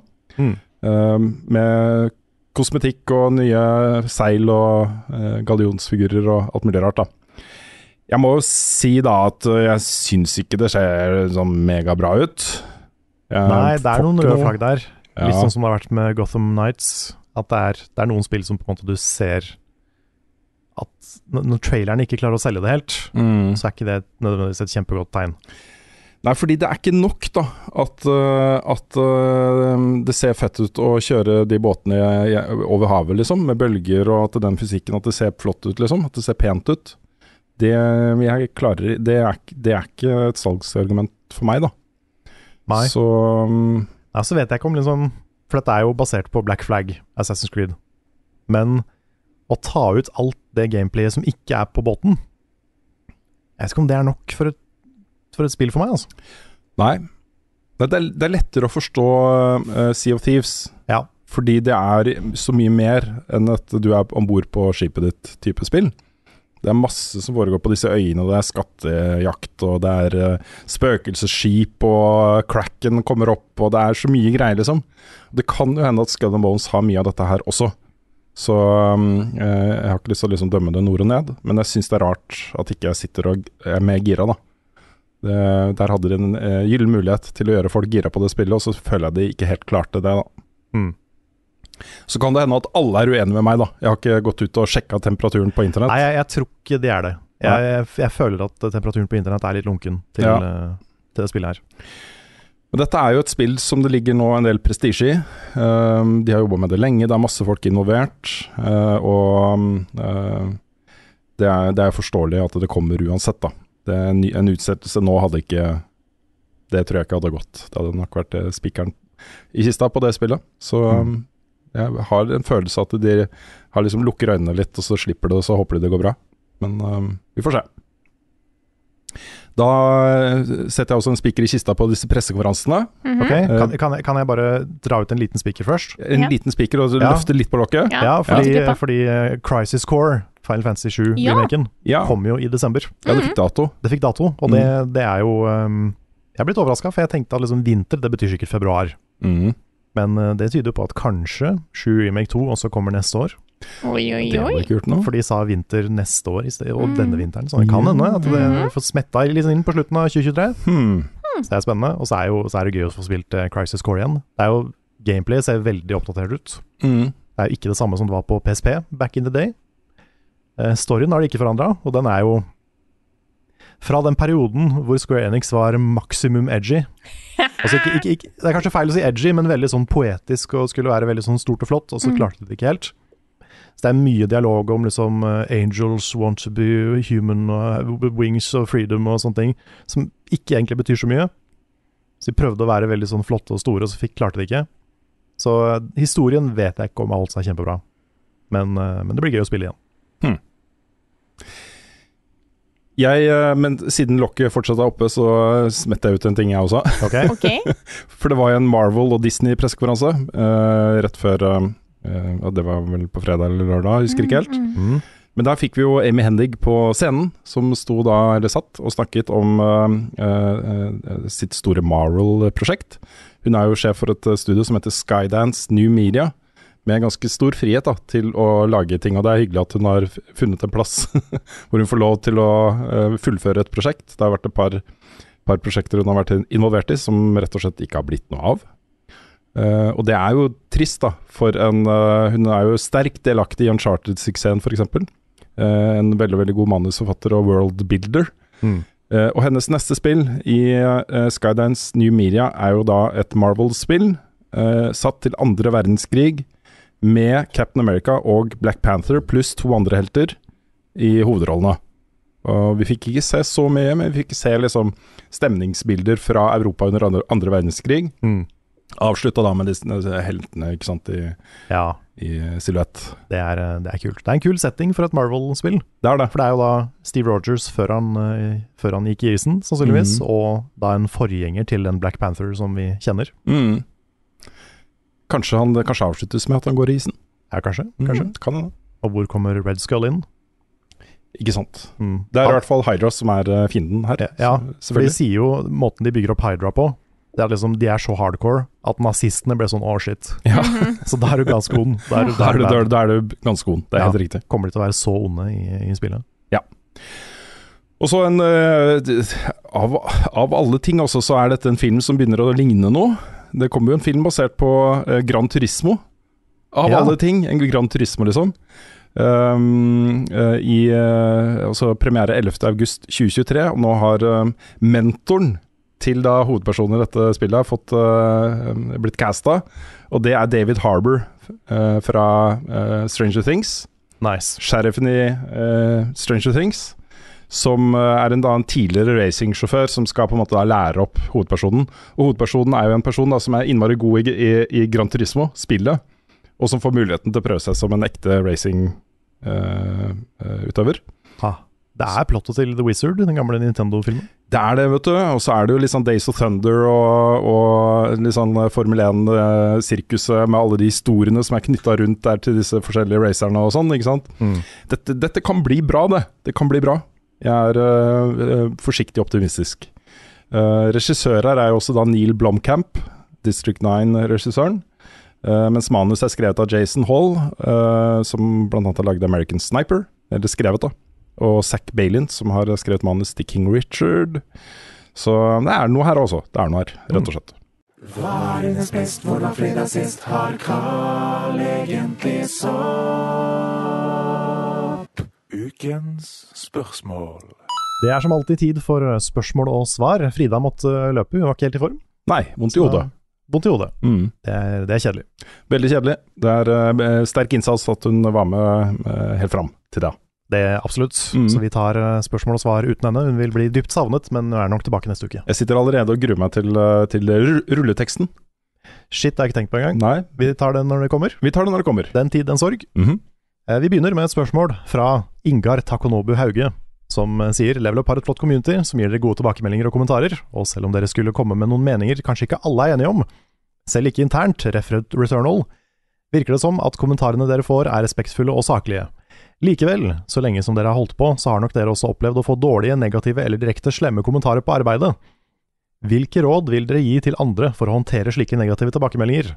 Trekk gjerne en forskjell på negative tilbakemeldinger og konstruktiv art og direkte fæle kommentarer.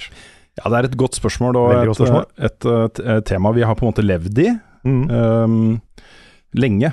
Og, og øhm, helt tilbake til sånn slutten av 90-tallet så hadde jeg mitt navn med en e-postadresse på Norges største nettavis. Ja, da får du mye rart. Ja, det, det skal jeg love deg at jeg har fått. Um, og jeg må, må ærlig innrømme at, at særlig i starten så kunne det være ganske ubehagelig. Og det kunne være kommentarer som gjorde at jeg liksom lå våken om nettene og tenkte jeg har det et poeng, liksom. Er, det, Mm. uh, er dette noe jeg bør jobbe med? Bla, bla, bla. Uh, alt fra diksjon i uh, uttale på video til, til hår og Ja, ja, ja. everything, liksom. Mm.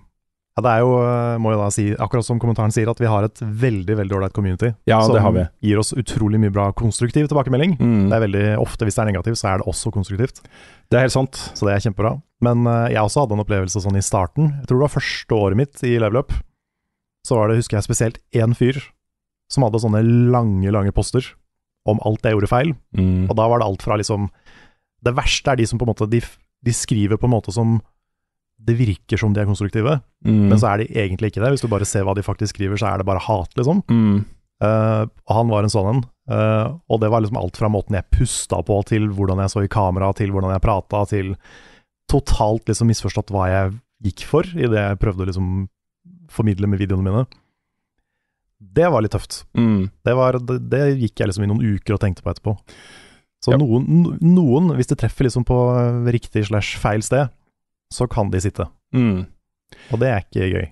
Nei, det er ikke det, altså. Og det fins på en måte ingen, ikke noe fasitsvar på hvordan man håndterer den type uh, tilbakemeldinger når man er Nei. i offentligheten, liksom. Det er, øh, det er på en måte en del av, øh, av gamet. Men uh, min erfaring i hvert fall er at det går seg til over tid. At man uh, på en måte lærer seg å få litt hardere hud, At eh, man lærer seg å skille de konstruktive tilbakemeldingene fra de bare kjipe. Mm. Og at man ikke lenger går og tværer på eh, negative tilbakemeldinger på den samme måten som man kanskje kunne gjøre i starten. da. Mm. Jeg um, Ja, jeg tror nok man lærer seg bedre å skille ut det konstruktive fra det ikke-konstruktive. Jeg vet ikke om jeg har fått tjukkere hud, egentlig, sånn sjøl. Men det, um, det jeg syns er litt vanskelig med det, er at det er For meg så henger liksom det med tjukkere hud litt sammen med det hvor mye man bryr seg om det man har lagd, på en måte. Mm. Sånn Vi putter jo litt sånn av natur veldig mye av oss sjøl inn i det vi lager. Mm. Det er veldig personlig innhold. Ja. Det er veldig sånn personfokuserte anmeldelser. Vi snakker om våre egne opplevelser, våre egne inntrykk, våre egne liv noen ganger. Mm. Og når det blir kritisert da, så blir det veldig personlig. Ja. Og da får man det, det, det er vanskelig å ikke ta det personlig noen ganger. Mm. Så for meg så er det sånn, når noen ber meg om å få tjukkere hud, så er det, det føles litt som de ber meg om å bry meg mindre om det jeg lager, på en måte. Mm. Jeg sliter litt med å skille de to. Ja, det er, det er sant, det også. Uh, Så det er litt vanskelig. Det er også litt sånn at jeg tror egentlig både du og jeg og mange av, kollegaene våre Uh, De største kritikerne av vårt eget innhold er oss selv. Det er veldig sant. Uh, og mm, det betyr for min del i hvert fall også at når noen, eh, noen eh, kommer med både konstruktiv og ikke-konstruktiv kritikk av ting jeg har lagd, så er det ofte ting jeg har tenkt på selv. Ja. Og det er sjelden jeg er liksom 100% fornøyd med ting jeg lager. eh, og, eh, og kan liksom gå tilbake og ikke analysere det, på en måte, men sånn Ja, det kunne vært bedre, det kunne vært bedre. Vi får prøve, prøve bedre neste gang. Mm. Så det, det er en ting jeg faktisk har jobbet med, da. Å bry meg eh, mindre om de tingene, også selv, da. Om Mm. de tingene jeg har lagd. At ikke det går så hardt inn på meg hvis jeg liksom Ok, jeg fikk ikke til akkurat den overgangen eller den sketsjen eller den formuleringen. Mm. Dette burde jeg sagt. Åh, jeg glemte å ta med dette. Den type ting. Da. At det holder meg mindre våken om nettene. Um, men da har jeg på en måte allerede hatt en sånn der prosess hvor, hvor jeg har vært kritisk til meg selv. Og hvis noen andre er kritiske til meg selv da, så takler jeg på en måte den kritikken bedre. Fordi dette er Jeg føler kanskje ikke at jeg har vrengt sjela mi, at det er det, i mitt innerste meg de kritiserer, da. Ja, sånn, ja. Mm. Jeg, jeg tror kanskje det verste, eller det som er vanskeligst, det er hvis du blir kritisert for noe som du er litt usikker på fra før. Ja. Sånn hvis du på en måte har vært litt redd for kanskje dette her er litt sånn, Mm, og så kommer noen og sier at det er veldig sånn. mm. Det, det kan treffe litt. Ja, jeg har jo blitt beskyldt for å være en has-been i 15 år, for eksempel. Ja, ja. Sånn uh, jeg burde gitt meg nå, liksom. Det er, ikke, det er ikke så mye av, da. Nei, det Det, ramler alltid en eller annen innom som sier at jeg burde gitt meg for lenge siden. Uh, Ja, de tar feil, da. ja, men altså uh, eh, For 15 år siden så traff det. Ja, Men ja, men i jeg, dag jeg så skjønner tenker jeg liksom- det, det er jo en sånn ting man kan bli usikker på. Ja. Og jeg også kommer sikkert til å få de snart. Jeg, jeg husker jeg så den nye, nye Karpe-filmen som var på kino. Jeg vet ikke om den fortsatt er på kino. Men de snakker jo en del om det. At Mm. de har holdt på lenge, liksom. Har vi fortsatt noe å komme med? Jeg tror det er en veldig naturlig ting når du har holdt på med noe en stund, da. uh, innenfor det samme. At du Mm. begynner å tenke, tenke litt der. Men eh, jeg, tror, jeg tror for min del så handler det mye om at ok, jeg uh, er innenfor journalistikk først, og så spill second. Mm. Og, og det er på en måte Folk er jo journalister hele livet, liksom. Hvorfor kan jeg ikke være spilljournalist hele livet? Nei, det er det. Nei, men det, jeg, jeg tror de som sier sånne ting, jeg tror det bunner i at de ser på spillet som noe som bare er for unge folk. Altså enten bare for barn og ungdom, eller, eller for liksom folk i 20-åra, da. Mm. Og det er jo feil. Mm. Sånn, har det liksom, sånn er det ikke. Nei, det er ikke det. Men sånn øh, oppsummert så, så øh, har vi et veldig hyggelig community.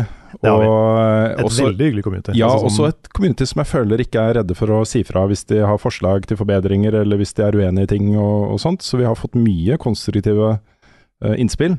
Det har vi. Og folk Som- må ikke være redde for å, for å komme med de innspillene. Nei, nei, det setter veldig veldig stor pris på det, rett og slett. Uh, Fordi det kommer fra et, uh, et ønske om, eh, om å hjelpe oss, eller Mm. å eh, bidra, eller å eh, være en del av liksom et eh, større level up uh, community, familietype ting, da, ikke sant. Mm. Og det er bare positivt. Ja. Ja, hvis, hvis noen sier at liksom, ja, dere må slutte, dere må gi dere, dere suger, det er ikke fullt så konstruktivt. Nei, det er ikke fullt så konstruktivt. Så det, er helt, det er helt riktig. Det kan man godt la være å si. Det kan man godt la være å si. Mm. Uh, og så generelt, liksom, og det er også en ting jeg ikke bryr meg så mye om lenger, uh, men som jeg kanskje brydde meg mer om før. Ikke driv og kommentere på utseendet til folk. Nei, generelt på internett. Er eh, til alle, egentlig. Ja, sånn jeg ikke, Hvis jeg lager en video, så er jeg ikke interessert i å høre om hvordan jeg ser ut, hva jeg har på meg, sånne type ting. Nei. Det, det handler ikke videoen om. Nei, Jeg fikk en kommentar på Twitter, og det er et godt eksempel da, på, eh, på hvor lite jeg faktisk bryr meg om sånne ting uh, nå. Mm. Uh, men som jeg kanskje hadde brydd meg mer om før. Det var en som kommenterte på et bilde jeg la ut, at jeg burde farge skjegget mitt sånn at jeg så yngre ut.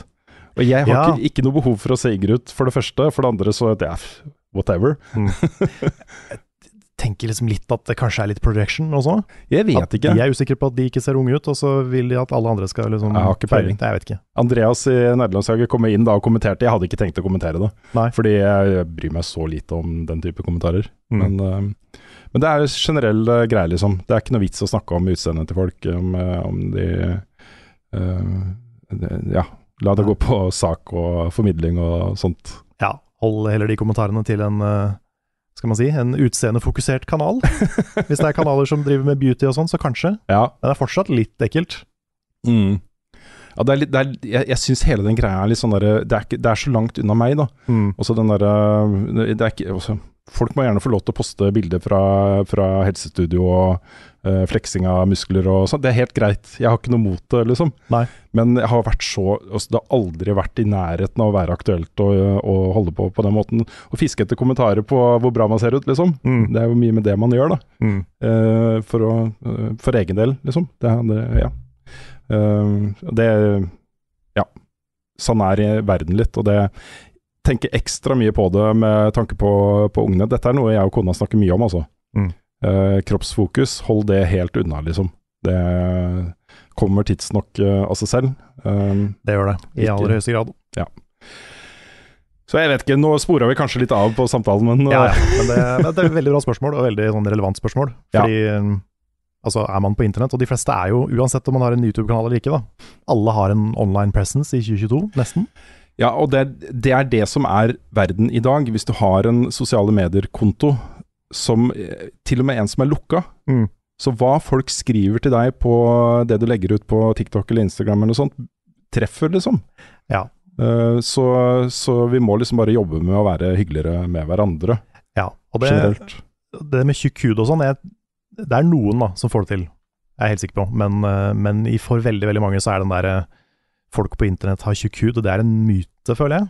Ja, vi skal ikke tolerere alt fordi vi er offentlige. Nei, for da, da blir man jo bare en sånn kald robot til slutt. ja. Hvis man har helt tjukk hud, liksom. Mm. Så eh, det gjelder Det er som alt annet, bare vær et menneske, liksom. Ja, ja. Behandle hverandre bra, uansett om det er på tekst eller video eller virkeligheten eller whatever. Mhm. Be human. Be human. Yeah. Yes. Skal vi gå videre? Har du et spørsmål? Jeg kan ta et tips Ok. som, eh, som eh, jeg, eh, tenker jeg skal følge opp. Fra Endre eh, Blekastad, som spør da til meg om jeg har lest eller hørt om trelegemeproblemet. The Three Body Problem, bokserien. Okay. Det er en fantastisk, realistisk sci-fi-serie som jeg tror kan være midt i blinken med tanke på hva du har fortalt om bl.a. Starfield. Og eh, fantastisk, realistisk sci-fi er jo tre eh, ord, uttrykk, som, eh, som jeg syns eh, høres veldig besnærende ut. Da våkner du. Da våkner jeg. Mm. Så dette skal jeg sjekke ut. Takk for eh, bra tips. Jeg skal eh, på høstferie i, i Syden, og da tenker jeg at kanskje det blir tid til å lese litt. Ja. Mm. Kult, kult. Mens Ja, jeg skal på, jeg skal på ferie, jeg òg. Jeg er aldri på ferie. Ikke sant? Jeg skal til Disneyland. Ah, Fy fader, jeg gleder meg. det, blir, det blir bra, Carl. Det blir veldig bra. Det Mm. blir veldig bra. Ok, skal jeg ta spørsmålet til? Gjør det. Det er fra Silacoid på Patreon. Han eh, skriver Hei, jeg følte en periode med f.eks. Bloodborne og Horizon Zero Dawn at DLC hadde noe for seg. Nå for tiden sitter jeg derimot med følelsen av at nesten alt av DLC ødelegger spillene mer enn de tilfører. Men har dere eksempler på DLC-er fra de siste tre-fire årene som faktisk har hatt like god kvalitet som hovedspillet, og som har gjort den totale opplevelsen bedre? Jeg vet ikke, er det Har det vært en nedgående trend med DLC? Jeg vet ikke om jeg er helt enig i det. Altså Skiftet har jo på en måte vært litt det at eh, man har begynt å tenke DLC veldig tidlig i utviklingsprosessen. Ja, men sånn føler jeg det har vært lenger. Ja, At, sånn har det vært lenger. Helt siden Mass Effect 3 hadde on-disk DLC, og det var masse debatt om det. Og... Nettopp. Ja, det, jeg, jeg det har vært blitt verre, liksom. Nei, kanskje ikke verre, men det har blitt såpass integrert da, Mm. at uh, man kan jo mistenke at mye bra innhold blir på en måte saksa fra hovedspillet for å kunne ha noe fett å tilby i DLC. Mm. Uh, og det er det nok en del eksempler på, uh, vil jeg tro, da. Det er det. Så, um, så Ja, men så har de også eksempler hvor uh, du har fått gode sidespor, f.eks. i Valhalla. Vært en par kule liksom, ting de har gjort der, da. Ja, for sånn som Valhalla er det vanskelig å beskylde for å ha holdt noe tilbake. De, de spillene er lange nok. Ja, de er lange nok. Men jeg vet ikke, jeg, jeg, jeg føler jeg reagerte mer på det før. Mm. At det var At liksom innholdet ble holdt tilbake. Jeg har ikke så inntrykk av det nå. Men jeg vet ikke om det egentlig har blitt noe bedre, eller om jeg, bare har blitt vant til at spillet er litt sånn. Ja, jeg, De siste tingene jeg har spilt, er jo eh, Returnal Ascension. Som var en Ja, kul- glimrende delelse. er en kul delse. Ja. Uh, du har jo også Delicious Last Course til eh, Cuphead. Ikke minst. Veldig bra delse. Mm. Så jeg føler nok at det i hvert fall ofte nok så kommer det fra riktig sted. Mm. Dette er et uh, team som ikke har lyst til å forlate spillet, liksom. De har lyst til å tilby noe nytt. No Man's Sky. Ja, sant. Mm. Men uh, jeg prøver å tenke på liksom, hvilke delelser har jeg spilt de siste tre-fire åra. Det er ikke så mange. Nei. For det er litt uh, utfordring med å, med å være anmelder, er at du fort må videre til neste spill, og så går du ikke tilbake. Mm. Men um, det står litt stille, egentlig. Jeg tror ikke jeg har spilt sånn kjempemange delelser de siste åra. Nei. Men det er jo sånn som Breath of the Wild sin er jo awesome, Mm. men det er jo lenger siden. Nei, jeg er litt usikker. Det, Mm. Du har et eksempel på det med eh, Assassin's Creed Mirage, hvor eh, det blir jo da et betalt delseoppdrag Uh, som følger med. da, Deluxe-utgaven av spillet også, ikke sant. Ja. Er Alibaba og de 40 røverne uh, historietråd. Mm. Um, du hadde jo tilsvarende i Valhalla med Beowulf-historien. Sant. Rayman kommer til Rabbids lenge etterpå. Mm. Hadde vært kult hvis han var med fra start. Ikke sant? Mm.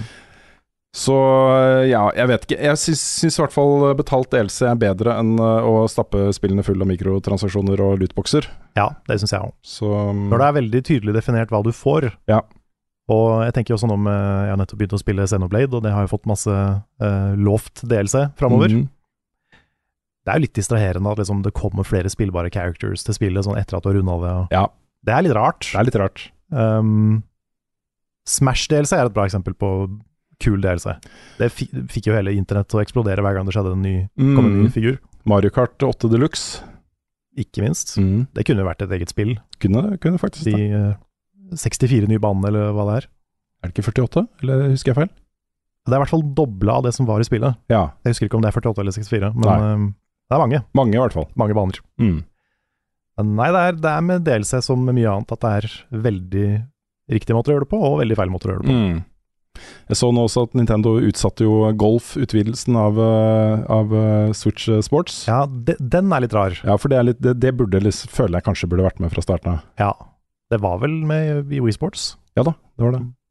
Tror jeg Ja, jeg tror jeg mener jeg har spilt golf på Wii Sports. Ja, det kan hende. Jeg vet ikke. Men uh, all right. Vi er ikke helt enige i premisset, altså. Nei, jeg, jeg føler ikke det er en nedgående trend, Nei. nødvendigvis. Men det er jo andre ting, da. Sånn uh, mikrotransaksjoner og NFT-er og ting som har blitt verre. Ja, det er i hvert fall en helt klar trend at, uh, at uh, spill får delelse, og at utviklerne og utgiverne ønsker å strekke ut den perioden hvor de faktisk tjener penger på det de har investert liksom, så mye tid og ressurser i da, over, lang, eh, over en lang periode. Det er jo en helt åpenbar eh, trend.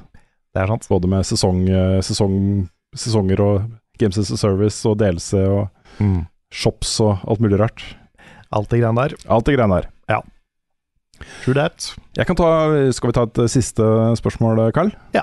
Eh, det er fra selveste Fjøsnissen. Fjøsnissen. Oi, fra nissen. Mm, på Discord-serveren vår, okay. som, som spør da. Hvis dere var toppsjefen i Telltale og hadde makten til å bestemme hva det neste spillet dere skulle basere seg på, hvilken film eller TV-serie hadde dere valgt da? Personlig hadde jeg elsket et Telltale-spill basert på Breaking Bad, fordi den serien har så mange viktige valg og avgjørelser, så den historien kunne gått i utrolig mange forskjellige retninger. Hmm. Var det godt, uh, godt valg med Breaking Bad der, hvis Det det, skal være TV-serie eller film. Det er sant. Men vil- uh, Twin vil- Peaks. Twin Peaks. Twin Peaks er veldig, den er veldig bra. Den er veldig bra. Jeg, jeg ville lagd en ny sesong av Game of Thrones. Ja. Jeg, jeg syns det, det var litt lite med bare én sesong der. Ja.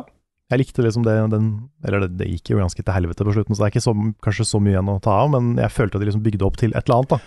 Kunne ikke, ja, kunne ikke lagd eh, en ny siste sesong av TV-serien, men som Ja, spill. kanskje det som spill, ja. Ja, Mhm. At det slutter liksom der eh, sesong er det fire? Fem? Fire, ble ja jeg syns det, var- det var bra lenger enn det, var det ja, ikke men hvilken sesong var det de slutta med? Var det den siste sesongen var det sju? Seks? Siste var åtte. Åtte, ja. Så etter sesong sju, der starter spillet, ikke sant? Ja. Og så bare Jo, det, jeg tror det var åtte sesonger. Jeg husker ikke. Ne Jeg- slutt i nest siste eh, sesong. Start etter slutten på ne- nest siste sesong, i hvert fall. Mm. Og så dra den litt mer ut. Ja. Um, jeg, har vel, eh, jeg har vel hørt eh, George R. R. Martin si at, at siste sesongen burde vært tre sesonger, har han sagt. ja, men det er jeg enig i. Mm. For det, var, det skjedde altfor mye på altfor kort tid. Ikke sant? Mm. Nei, jeg kommer meg ikke forbi Twin Peaks. Altså. Det hadde vært en så utrolig fet uh... Ja. Nå, akkurat nå, da, av Rings of Power, så har jeg lyst på en Ringenes herre-Telltale-serie. mm, Ja. Enten i first age, eller liksom kanskje omtrent samme tid som uh, serien er. mm. For det er jo Det er ikke mangel på kule ting i den historien å, å ta fra. Ja, det er sant.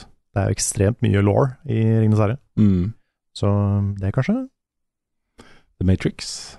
The Matrix kunne funka. Altså, du kan jo egentlig putte det meste i Telltale. Hva som helst. Ja. Men jeg, men jeg liker det når det er ting som, som har litt, kanskje litt sånn overnaturlige eller litt sånn øh, tøffe sideelementer. Mm. At det er litt sånn Det er noe der.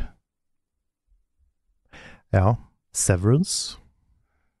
Kanskje vanskelig å få noe action. Det er, det er ikke sånn actionfylt serie, men det er jo litt sånn Ja. intrigue og mystisk og Åh, hear me out. Sex education. Sex education, Telltale. Ja, Det er gøy. det, er hadde gøy. vært fett. Med romance options. Ja, Ja.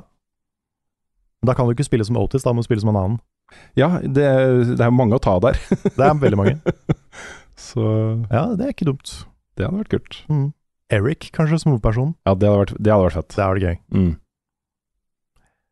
Eller Amy. Amy som hovedperson i, uh, i Sex Education. Det hadde vært veldig morsomt. Ja, det hadde også funka. Så kan du ha sånn baki-minigame hvor du lager sånn disgusting ting. Og det. Ja, som blir gradvis bedre. ja, som blir gradvis bedre. Mm, Mm. Blir flinkere. Ja. Nei, nei, men det, der, der er det noe. Eller Euphoria. Oi. Det hadde blitt mørkt. Ja, det hadde blitt veldig mørkt. Veldig dystert. Mm. Da må, da må man få med Zendaya, da. For det er ikke Euphoria uten henne. Nei, det kan ikke være Euphoria uten henne. Det er eh, det, Åh, herregud, den serien er bra, ass. Den er det. Jeg var enda mer begeistra for første sesong enn andre, men, Mm. eh, men den er fortsatt veldig, veldig bra. Ja, jeg likte det sesong to nesten like godt. Um, jeg syns det er utrolig sterkt, altså. Det er kjempebra. Hva heter du venninna til uh, Zendaya i den serien? Hun som hadde skuespillet. Ja, Hun kunne vært hovedpersonen i et Euphoria-spill. ja, for det hadde vært fett. Mm. Det hadde vært fett. Og det en av de som ikke er liksom front and center i serien, Ja, men som er liksom i bakgrunnen. Ja. Mm. ja, det hadde kunne funka kjempebra. For, ja, det godt valg. Godt valg. Da, da har vi mange forslag til Telltale, Ja. så hvis dere hører på Telltale, get to work. Mm. Men ikke, ikke jobb så mye at dere blir lagt ned igjen. Nei, jeg lurer på hvem som jobber der nå. Det er jo helt nye folk, er det ikke det? Ja, det er Nesten mye, bare. Jeg tror det er nesten bare nye folka. Vet ikke om de har beholdt så mange av de originale folka. Nei, de fikk jo sparken plutselig på dagen, veldig mange av dem. Det var en veldig, veldig kjip historie. Det var det. Mm. Skal du ta rulleteksten? Jeg kan prøve. Ja. Jeg kan se hvor langt jeg kommer. Mm. Dette har vært en podcast utgitt av moderne media. Låten i introen og outroen er eh, skrevet av Ole Sannik Larsen og framført Og av- arrangert. og arrangert av Kyosho Orchestra. Oh yes. Uh, vignettene er lagd av fantastiske Martin Herfjord. Ja. Og eh, så har vi, vi har en Patrion, som er der vi eh, får inn eh, de midlene vi, vi trenger for å fortsette. Ja, og det er, den er helt essensiell for oss fortsatt. Jeg håper folk forstår det, Også. Vi, Ja, det er- selv, om, eh, selv om vi har et samarbeid med Good Game, så er vi fortsatt veldig avhengig av ja, vi jobber med å, å kommersialisere innholdet vårt, men for å komme dit så må vi liksom eh, brette opp ermene nå et år til. Mm. uh, og jobbe hardt, da. Og det gjør vi bak kulissene. Så Det jobbes vi masse med det. Fortsatt en svær tavle med to do-liste-ting på, på døra vår. Ja, det er fortsatt ikke sånn da at folk bare banker på den døra med kofferter fulle av penger for, for innholdet vårt. Bare vær så god, den skal dere bare få. Ja, Mm. Det er dyrt å drive en sånn redaksjon som vi gjør. Det er det. Og vi Det er- bruker mye penger nå. Ja, og det er eh, Fordi vi har da inntektene fra Patron, så kan vi gjøre det. Og det, Det er er amazing. Det er amazing. Ja, altså vi er i en helt sånn unik, superheldig posisjon i Norge, Ja. som har den Patron-backinga vi har, og den, eh, den betyr alt, rett og slett, for oss. Mm. Så det, og den finner du på patron.com slash levelupnorge. Der kan man gå inn og backe oss med så mye eller så lite man vil, Det er eh, helt riktig. med forskjellige eh, reward tears og sånne ting. Vi Mhm. har bakomfilmer, vi har eh, Q&A-streams, som eh, litt sånn avhengig av beløp, så kan du få tilgang til litt exclusive content. Oh yes. Men ikke for mye, for det er viktig for oss at liksom, det også er mye som er tilgjengelig for alle. Mm. Uh, og så har vi jo da en Discord, discord.gg slash levelupnorge. levelupnorge. -hmm. Og så har vi Twitch, som vi streamer av og til. Vi streama jo begge pressekonferansene i helga. Mm. Ikke i helga. Det var ikke helga, jeg er så forvirra på dager nå. Det var tirsdag. Tirsdag var det. Tirsdag, Ja. Det var ikke helga. Åh, der har jeg lyst til å tise også at uh, nå har jeg fått på plass de der eh, lydisolerende Ja, platene på, nice. på veggen hjemme, på hjemmekontoret mitt. Nice, det har jeg også. Og det betyr at nå kan jeg begynne å streame hjemmefra. Nå kan du streame hjemmefra. Ja, og det er også så markant forskjell, altså. Ja, det er det. I hvert fall i et så lite rom. Ja. Så er det, det De har utrolig mye å si. Ah, det har blitt så pent, eh, Karl. Det har blitt Ja, så så pent. kult. Kult. Du må ha en sånn liten omvisning med webcam når første gang du streamer. Mm, Jeg sendte video på eh, Messenger-gruppa vår. Ja, den, den. eh, ja, jeg har ikke sett den ennå. Se. Det, er, blitt kjempepent. Kult, Ja. kult, kult. Ja, så bra. Så det, det kan du finne på twitch.tv slash levelupnord. Mhm. Det er litt sånn vanskelig å huske hva som er nord om Norge. Vi prøver. Ja da, At eh, Twitch er i hvert fall Level Up Nord. det er det. Og Instagram også, Level Up Nord. Ja, YouTube-kanalen vår er også Level Up Nord. Det er den. YouTube.com slash Level Up Nord. Mens uh, spread-shirt-shoppen vår er jo ikke det. Det er my levelupnorge.myspreadshop.no. Det stemmer. Der Tror jeg. vår. Ganske sikker på det. Yes. Mm. Og så har vi også en eh, ganske ny hjemmeside, som er automatisk oppdatert med alt det nye vi lager. Mhm. Den er lvup.no. Så den er i hvert fall lett å huske. lvup.no. Ja, det kan hende vi var på et møte i går. Det kan hende at det vil begynne å dukke opp litt eh, level up-innhold på gamer.no også. Det er sant. Det blir litt Mm. sånn krysspromotering. Yes. Det blir eh, spennende å se hvordan det, hvordan det går. Mhm. Skummelt med sånn nytt publikum og sånn. Ja. Det er, eh, det er ikke sikkert de er like hyggelige som Level Up Community sitt publikum. Kanskje alle hater oss, Karl. Det kan hende. Mm. Bare ser Level Up Content på gameren og sånn What's this shit? Hvorfor prater de som om vi kjenner de? Hva er den derre Rune Hasbin har, eh, Ja, han- gjør han der- på gamer.no? Lever han ennå, liksom? Lever han ennå? Ja. Ja, ja. Nei, det blir spennende. Det blir spennende tider. det er det også. Jeg vet ikke om vi, Var det noe vi glemte nå? Eller har vi gått gjennom alt? Jeg tror vi har vært gjennom. Jeg tror vi har vært gjennom. Ja, jeg tror det også. Da gjenstår det bare å takke for at du hørte på denne podkasten, og så ses vi igjen neste uke.